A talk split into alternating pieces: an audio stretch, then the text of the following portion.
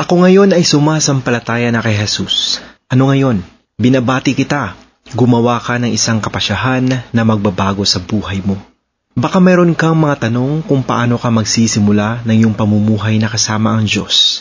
Narito ang limang panuntunan para magsilbing patnubay mula sa salita ng Diyos. Kapag may iba ka pang katanungan sa iyong buhay, Kristiyano, sumulat sa www.gotquestions.org slash Tagalog.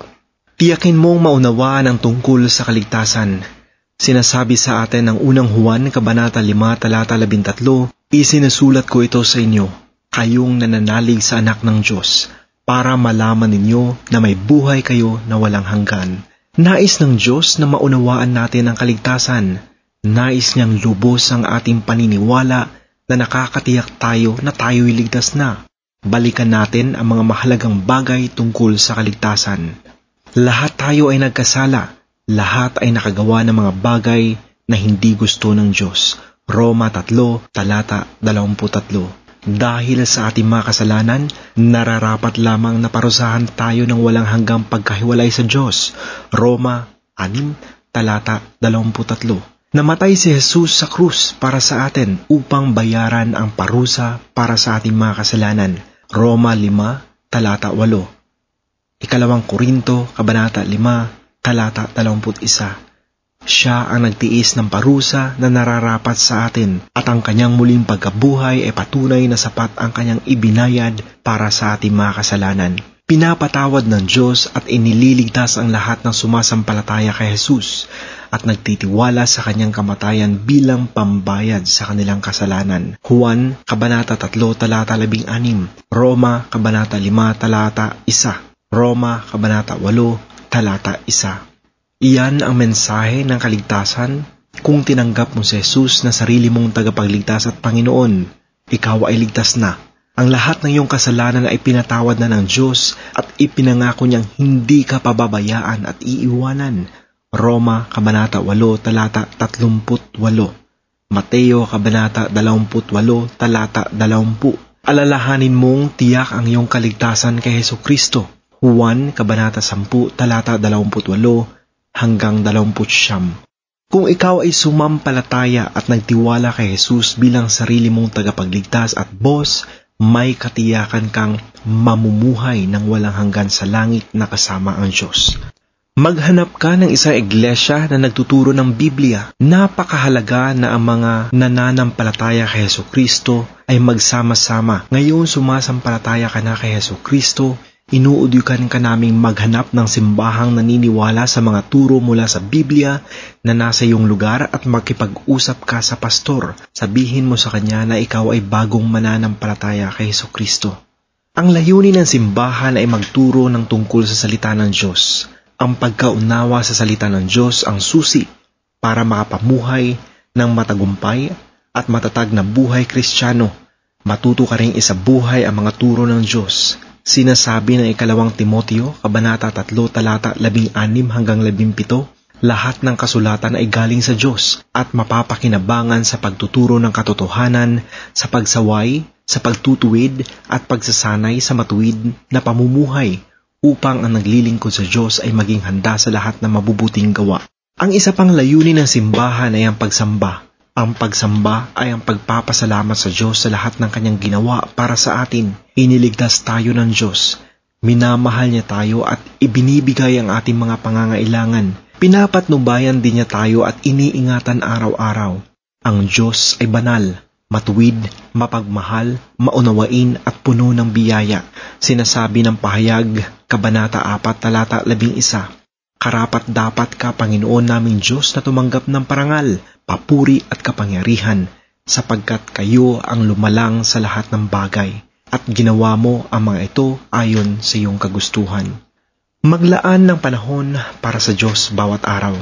Mahalaga para sa atin ang maglaan ng panahon para sa Diyos bawat araw. Ang tawag ng iba dito ay devotion sapagkat ito ang panahon na inilaan natin sa Diyos.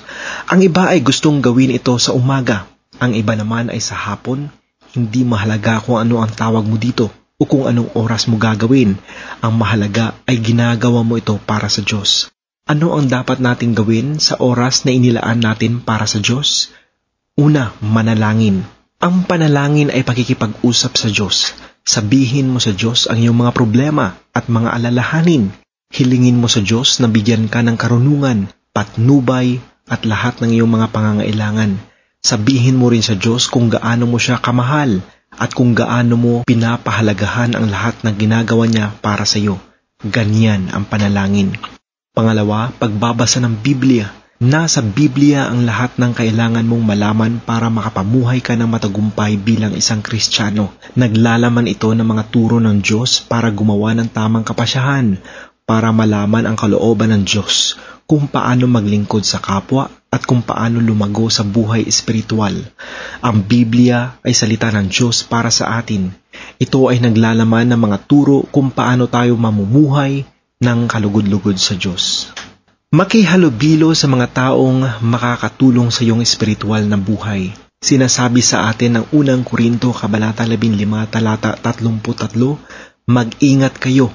Ang masamang kasamay makakasira sa magandang ugali.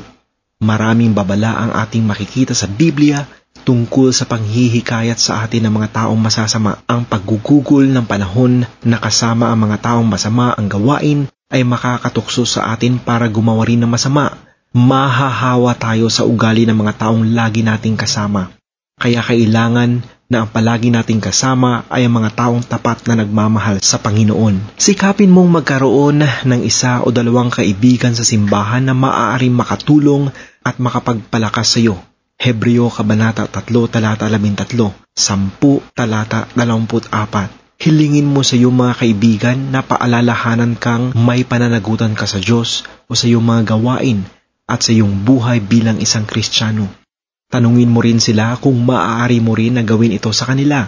Ito naman ay hindi nangangahulugang hindi ka makikipagkaibigan sa mga hindi pa nakakakilala sa Panginoong Hesus bilang sarili nilang tagapagligtas. Manatili kang kaibigan nila at ipadama mong mahal mo sila. Sabihin mo sa kanila na binago na ni Jesus ang buhay mo kaya may mga bagay na dati mong ginagawa na hindi mo na gagawin ngayon. Hilingin mo sa Diyos na pagkalooban ka ng pagkakataon na maibahagi si Kristo sa iyong mga kaibigan. Magpabautismo ka. Maraming tao ang hindi makakaunawa sa bautismo. Ang salitang bautismo ay nangangahulugan ng paglubog sa tubig. Ang pagpapabautismo ayon sa Biblia ay isang pagpapahayag sa madla ng iyong bagong pananampalataya kay Kristo at ang pagtalaga ng iyong sarili sa Kanya. Ang ginagawang paglubog sa iyo sa tubig ay naglalarawan ng paglibing na kasama si Kristo at ang pag-ahon naman sa tubig ay paglalarawan sa muling pagkabuhay ni Heso Kristo. Kaya ang pagpapabautismo ay ang pagpapakita ng iyong pag-uugnay sa iyong sarili sa kamatayan, paglibing at muling pagkabuhay ni Kristo. Roma Kabanata 6 talata 3 hanggang 4. Ito'y isang hakbang ng pagsunod, ang pagpapahayag sa madla ng iyong pananampalataya kay Heso Kristo at ng iyong pagtalaga sa iyong sarili sa Kanya. Kung handa kang magpabautismo, sabihin mo sa iyong pastor.